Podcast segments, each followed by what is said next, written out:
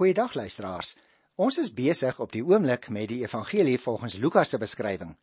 En as iemand nou miskien vandag vir ons by die eerste keer by ons inskakel, wil ek sê baie baie welkom aan jou en ek vertrou dat die Here ook ons program in jou lewe gaan gebruik. En ek wil dadelik vir jou uitnooi om elke dag te luister en om ook voorbereiding te doen. Nie net vir duisende ander wat saam met jou hierdie program luister nie, maar ook vir my wat dit aanbied en vir al die mense hier by Transwêreld Radio wat help met die vervaardiging van die program.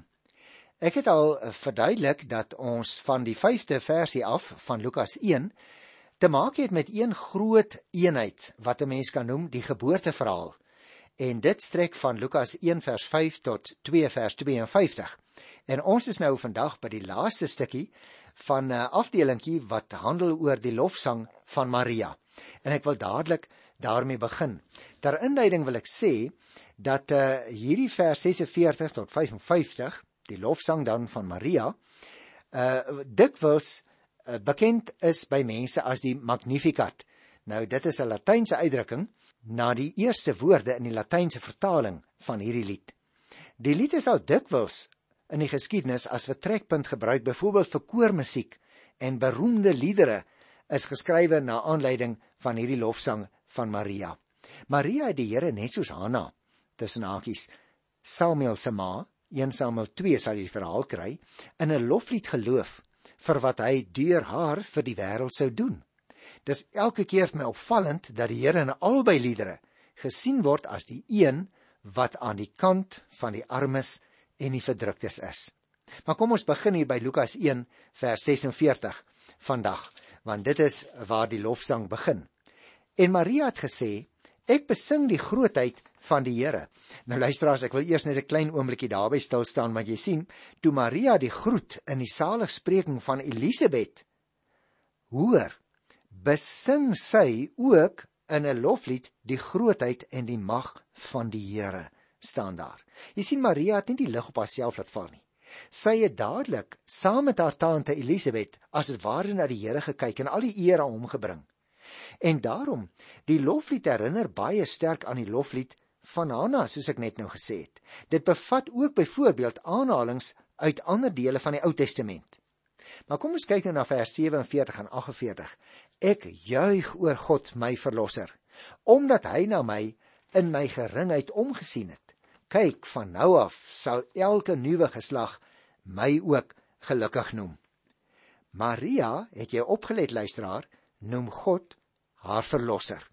Waarskynlik as 'n toespeling op die naam Jesus, want in die vorige program sê jy onthou, het ek vir jou gesê Jesus beteken verlosser of die Here verlos. Net soos Hanna van ouds daar in 1 Samuel by die eerste hoofstuk by vers 11, is sy verwonderd daaroor dat die Here vir haar, die betekenislose en geringe ou vroutjie in haar eie oë, vir so 'n hoë roeping uitgekies het. Wat die Here aan haar gedoen het, sal maak dat almal haar staan daar van nou af as gelukkig sal beskryf. Nou as jy weer kyk na die 48ste vers, dan sal jy opmerk Maria se woorde dat elke nuwe geslag haar gelukkig sou noem, sou dit ook 'n teken wees van trotsheid of van hoogmoed? Nee. Nee, dis juis 'n teken dat sy diep bewus is en dankbaar is vir die geskenk wat die Here aan haar gegee het. As Maria byvoorbeeld geweier het om haar ongewone omstandighede te erken, sou sy in werklikheid God se geskenk in sy gesig na hom toe teruggegooi het. Want luister, jy moet onthou, hoogmoed beteken dat 'n mens weier om sy afhanklikheid van God te erken. Weier om sy gawes wat hy aan jou gegee het aan te neem.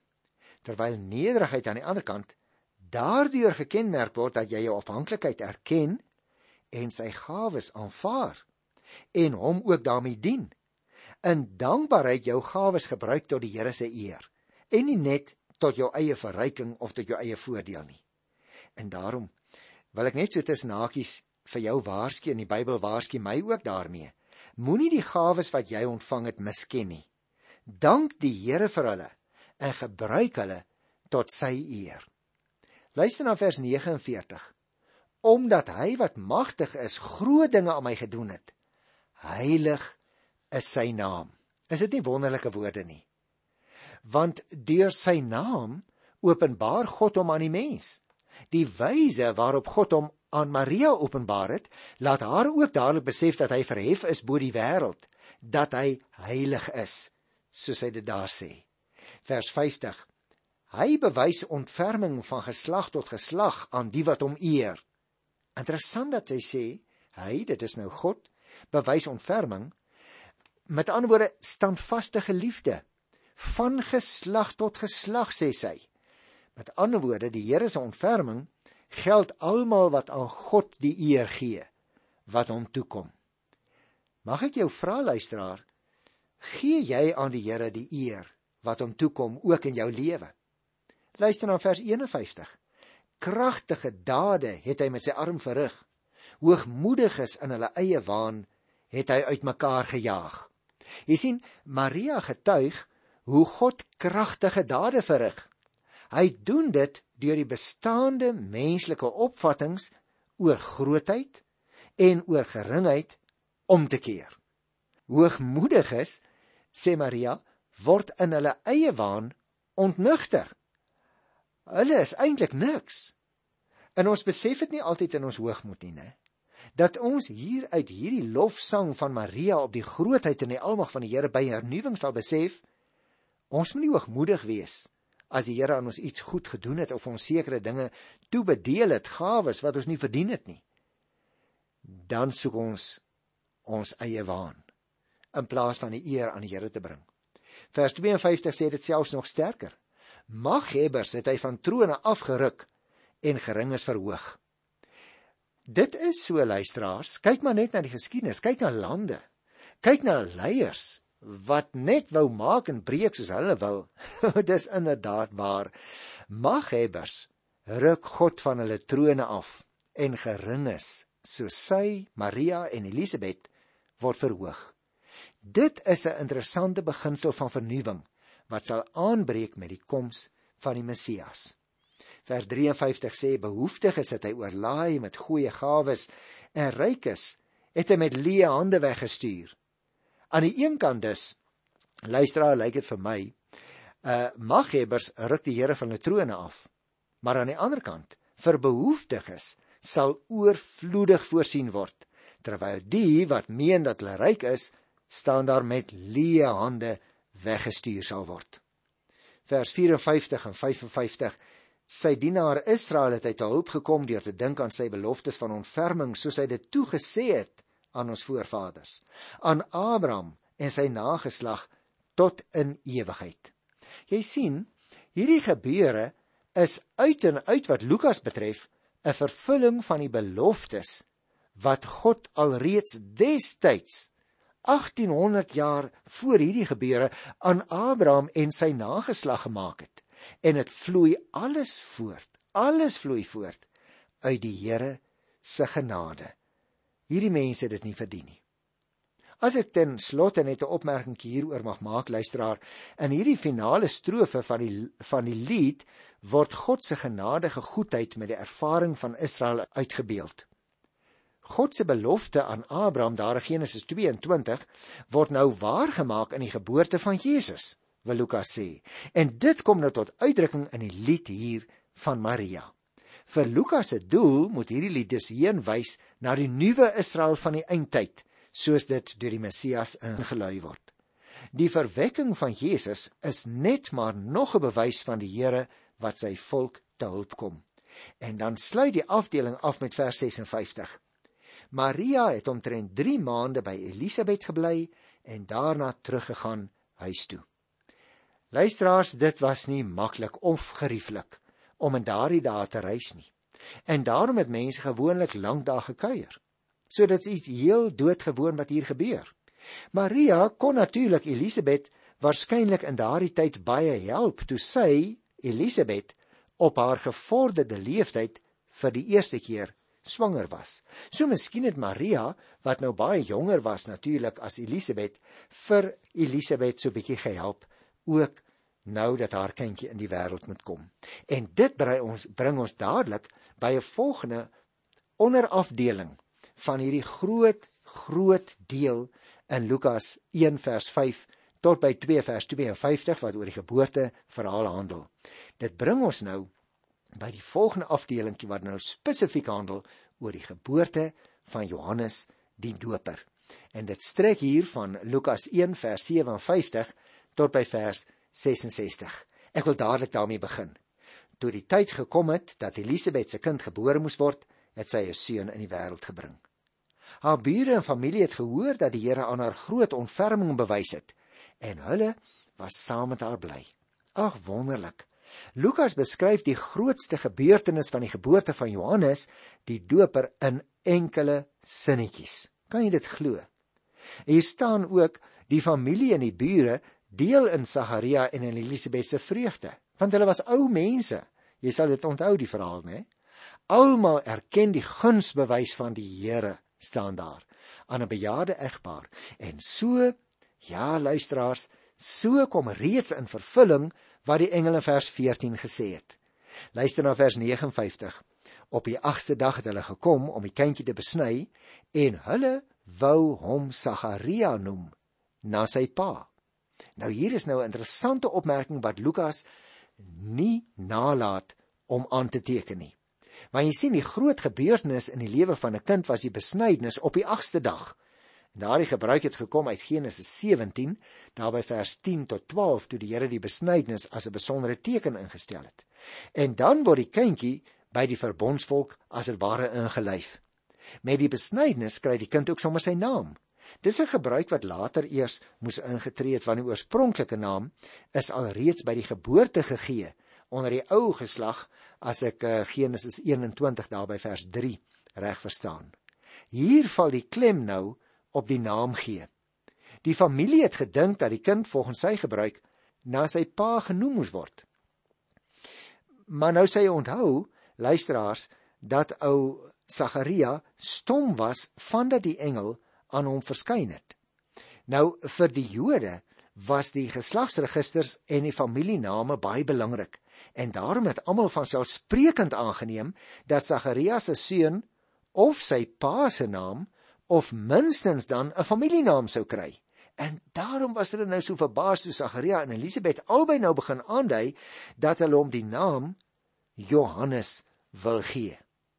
En daarom kyk nou na vers 60. Maar Maria het gesê nee. Nee, hy moet Johannes genoem word. Daarom het hulle vreemd opgekyk toe Elisabet sê sy naam is Johannes. Sagaria het haar waarskynlik skriftelik meegedeel wat tussen hom en die engel in die tempel gebeur het. Of miskien het ou Sagaria al van tevore vir haar op 'n bordjie geskrywe, onthou tog, die engel het vir my gesê sy naam moet Johannes wees. Kom ons lees nou vers 61 en 62. Hulle sê vir haar: "Maar daar's niemand in jou familie wat die naam het nie." Met gebare vra hulle toe: hoe sy pa wil hê dat die kindjie genoem moet word. Ek kan my dit voorstel luisteraars, die familie vind hierdie Johannes naam vreemd en daarom moet Sagaria nou uitsluitsel gee want hy is nou die pa. Nou luister na vers 63. Sagaria vra toe 'n skryfbordjie en hy skryf daarop Johannes is sy naam. En almal was verbaas voeg Lukas wat die verhaal neerskryf nou daaraan toe.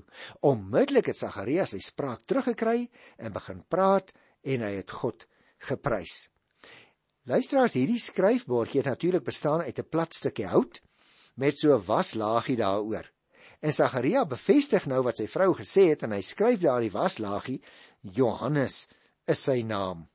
En direk daarna kan Sagaria weer praat.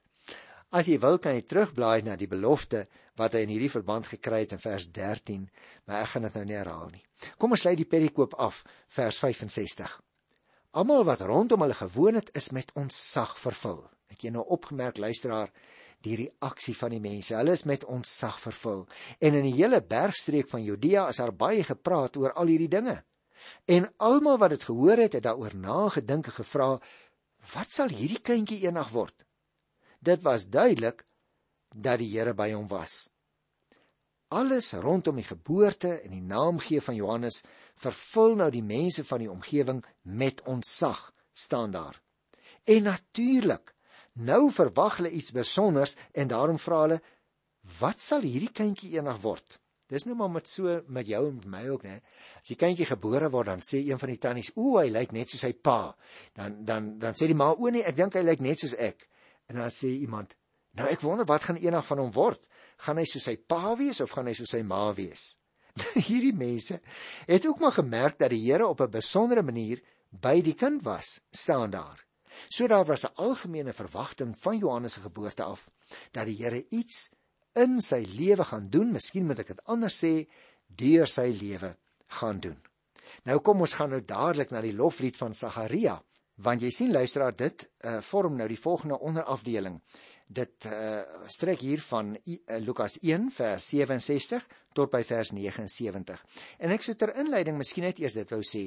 Die eerste woorde wat Sagaria weer gesê het nadat hy die maande lank stom was, was woorde van lof aan God. Dis wonderlik, né? Sagaria voorspel ook, ek gaan dit nou nou lees, dat die koms van 'n verlosser wat sy volk sal red en verder sê Sagaria nog iets, naamlik dat sy eie seun, Johannes, die pad vir die Messias sal voorberei. En hierdie skrifgedeelte waarmee ons nou gaan besig raak word dikwels ook 'n lied genoem. Al die Ou Testamentiese profesieë was besig om waar te word. Dis geen wonder nie dat Sagaria die Here geprys het nie. Die Messias sou in sy lewenstyd kom, Dit is die wonderlikste ding wat met enige Jood sou kon gebeur. En Sagaria se seun is gekies om die pad vir daardie Messias voor te berei. Kom ek begin dadelik met vers 67. Sagaria, die kindjie se pa, is met die Heilige Gees vervul en het as profeet gesê. Nou ek wil net eers by vers 67 stil staan, vervul met die Heilige Gees en dit stel Sagaria in staat om uiting aan sy gemoed te gee wat so lank opgekrop was omdat hy nie kon praat nie. In 'n sekere sin gee hy ook die antwoord op die vraag: Wat sal eendag van hierdie kindjie word? Jy sien sy loflied kan in twee dele onderskei word. Die eerste handel oor die verlosser en die tweede oor die voorloper van die verlosser. Met ander woorde, merk op as jy dit in die Bybel gaan lees. Die aandag word nie deur Sagaria in die eerste plek op Johannes gelê nie. Hy hy vorm die fokus, hy trek die fokus saam op lof aan die Here. Vers 68. Lofwaardig is die Here, die God van Israel, want hy het sy volk in genade opgesoek en vir hulle verlossing bewerk. Sagaria loof dus God wat Jesus as enigste Here aan Israel openbaar. Die gebeure met homself en met Elisabet en Maria is 'n aanduiding dat die Here sy volk op 'n besondere wyse genade sal bewys deur die verlossing vir hulle te bewerk. So sing hy in sy loflied. Vers 69 sê hy: "’n Sterk verlosser het hy vir ons laat opstaan uit die huis van sy dienaar Dawid." O, Sagaria die skrifte geken. En die magtige verlosser wat hy hier na verwys, is natuurlik niemand anders nie as die Messias. Sagaria praat hier duidelik nie van Johannes nie want Johannes was nie 'n afstammeling van Dawid nie. As hy die woordjie dienaar gebruik, dienaar van die Here, uh, is in die Ou Testament die aanduiding van iemand wat 'n besondere posisie beklee het in die verhouding tussen God en sy volk. En daarom vers 70. So het die Here dit reeds van ouds her beloof deur die mond van sy profete.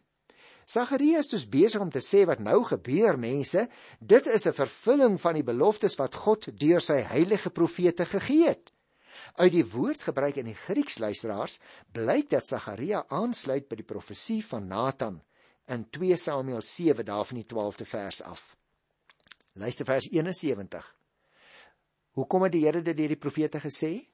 Om ons te verlos van ons vyande en uit die hand van ons haters om hom te ontferm oor ons voorvaders en sy heilige verbond te onthou. Met 'n eed het hy dit bevestig aan ons voorvader Abraham dat hy sou gee dat ons gered word uit die hand van ons vyande. Die Jode moet jy onthou het met groot afwagting uitgesien na die koms van die Messias. Maar hulle was natuurlik onder die indruk dat hy van die magtige Romeinse ryk sou verlos. Maar nee, hulle was voorberei op 'n politieke of 'n militêre verlosser maar nie op een wat sou kom om mense met God te versoen deur aan die kruis te sterf nie. Dit het hierdie mense glad nie 'n gedagte gehad op hierdie stadium nie en selfs later wou hulle dit nie aanvaar nie. Maar nou in sy lied kom dit na vore dat God aan Abraham beloof het dat hy al die nasies deur hom sou seën. Dit is alreeds beloof natuurlik in Genesis 12 vers 3. Daarom het ek net net vir jou gesê al die verskillende beloftes is nou besig om 'n klimaktiese hoogtepunt te bereik. En hierdie belofte sou vervul word deur die Messias wat uit Abraham se nageslag sou kom. Ek wil dit net 'n oomblik saamvat. Want jy sien die verlossing word hier in politieke terme beskryf as 'n verlossing van ons vyande en uit die hand van al ons haters. Dit is egter maar net 'n aanloop tot die beskrywing van die verlossing in sy volle omvang, veral op godsdienstige terrein. Maar dit het hierdie mense nie gesnap op hierdie stadium nie. Daarom sê hulle sê Sagaria gered uit die hand van vyande om die Here onbevrees te kan dien in vroomheid en opregtheid al die dae van ons lewe. En dit is waaroor dit eintlik gaan. Uiteindelik sal die verbond vervul word en sal daar 'n vry volk wees wat God sonder vrees kan dien, staan daar. Jy sien luisteraar op hierdie wyse sal hulle na die ware betekenis van die verbond vir God 'n volk wees, deur hulle vir altyd in gehoorsaamheid tot sy beskikking te stel. Kom ek doen die laaste paar verse van hierdie loflied hier van vers 76 af. En jy, kindjie, 'n profeet van die Allerhoogste sal jy genoem word. Jy sien, luister, nou kom hy terug na Johannes die Doper, na sy eie seun wat nou vir Sagaria gebore gaan word. Want jy sal voor die Here uitgaan om sy pad gereed te maak. Sagaria het nou eers 'n oorsig gegee van God se magtige werk deur die eeue heen, van die tyd van Abraham af tot in die ewigheid wat nog voorlê. Nou in teenstelling daarmee is die liefdevolle woorde hier van vers 76 direk op God se seun van toepassing. En daardeur sê Sagaria vir hom, sy eie seun, dat jy maar net 'n rol gaan speel my kind in God se groot plan. Jy, my seun, is trouens gekies om 'n baie belangrike rol in die grootste drama van alle tye te speel. Die almagtige God verkies om deur feilbare en sterflike mense te werk luisteraars wat almal hulle lewens as hulpelose babatjies begin. En daarom moet jy en ek onsself ook voortdurend afvra, is ons regtig tot beskikking van die Here? Luister na vers 77. Om kennis en verlossing aan sy volk mee te deel, verlossing deur kennis van hulle sondes. Met ander woorde, hier word reeds vir ons gesê wat Johannes se primêre taak gaan wees, dat hy moet die mense oproep eendag, maar dat hy hulle moet heenwys na Jesus Christus wat uiteindelik die verlossing gaan bewerk. Nadat Sagaria dus geprofeteer het oor die Messias en sy werk ten opsigte van die vervulling van die verbond, verwys hy nou in hierdie tweede gedeelte van sy lied na die rol wat Johannes die Doper sou speel in die verlossingsplan van God. Jesus is die seun van die Allerhoogste. Het ons in vers 32 gehoor. Terwyl Johannes die profeet van die Allerhoogste genoem word. Kom ons kyk hier na vers 78. Danksy die genadige ontferming van God. Hy sê as dit ware vir sy seentjie wat nog te klein is om te verstaan. Hoorie my ou seun, jy verstaan dit nie. Maar selfs die taak wat die Here jou opgelê het, wat 'n dienende taak sal wees. Dit is vanweë die genadige ontferming van ons God. Luisteraar, jou en my lewe is nie te gering nie. Ons moet sorg dat ons lewens in diens van die Here staan. Hoekom? Luister wat word van Johannes gesê in vers 79: om lig te bring aan die wat in duisternis en in die skaduwee van die dood lewe, om ons voetstappe te rig op die pad van vrede. En dit is wat Johannes sou kom doen. En daarom die pragtige afsluiting, dit staan eintlik so bietjie selfstandig as 'n mens kyk na die ontleding van die boek Lukas. Vers 80 is eintlik 'n samevattende opmerking oor Johannes se werk. Luister. Die kindjie het opgegroei en sterk geword deur die Gees en het in die woestyn gebly tot op die dag van sy openbare verskyning in Israel. Hierdie verhaal van Johannes het myself so aangegryp, luister as ek eendag 'n boek geskryf het oor Johannes die Doper. Maar wat wil die vers vir ons sê? Hoekom het Johannes in die woestyn gebly? Die profete, luisteraars, het dikwels die afsondering van die woestyn opgesoek sodat hulle geestelik kon groei en hulle tyd en al hulle aandag aan God se boodskap kon bestee. En dit is waartoe die Here vir Johannes sou gebruik. Johannes het deur sy afsondering ook getoon dat hy niks te doen wou hê met die ekonomie of met die politieke magte van daardie tyd nie en daarom kon hy hom so sterk teen baie van daardie dinge in sy tyd uitspreek. Hy het ook daardeur vir almal gewys dat hy hom distansieer het van die skynheilige godsdienstige leiers van daardie tyd. Sy boodskap was anders as hulle sin en sy lewe het dit duidelik bewys. Mag ek vir jou vra luisteraar, is jou lewe ook so? Is jou lewe anders as die van 'n wêreldling? Staan jy ook soos wat Johannes later sou doen, onvoorwaardelik aan die kant van die Here? Ek groet jou tot volgende keer met hierdie gedagte in die naam van Jesus Christus na wie ons elke een se lewe elke dag behoort te wys. Tot dan. Totsiens.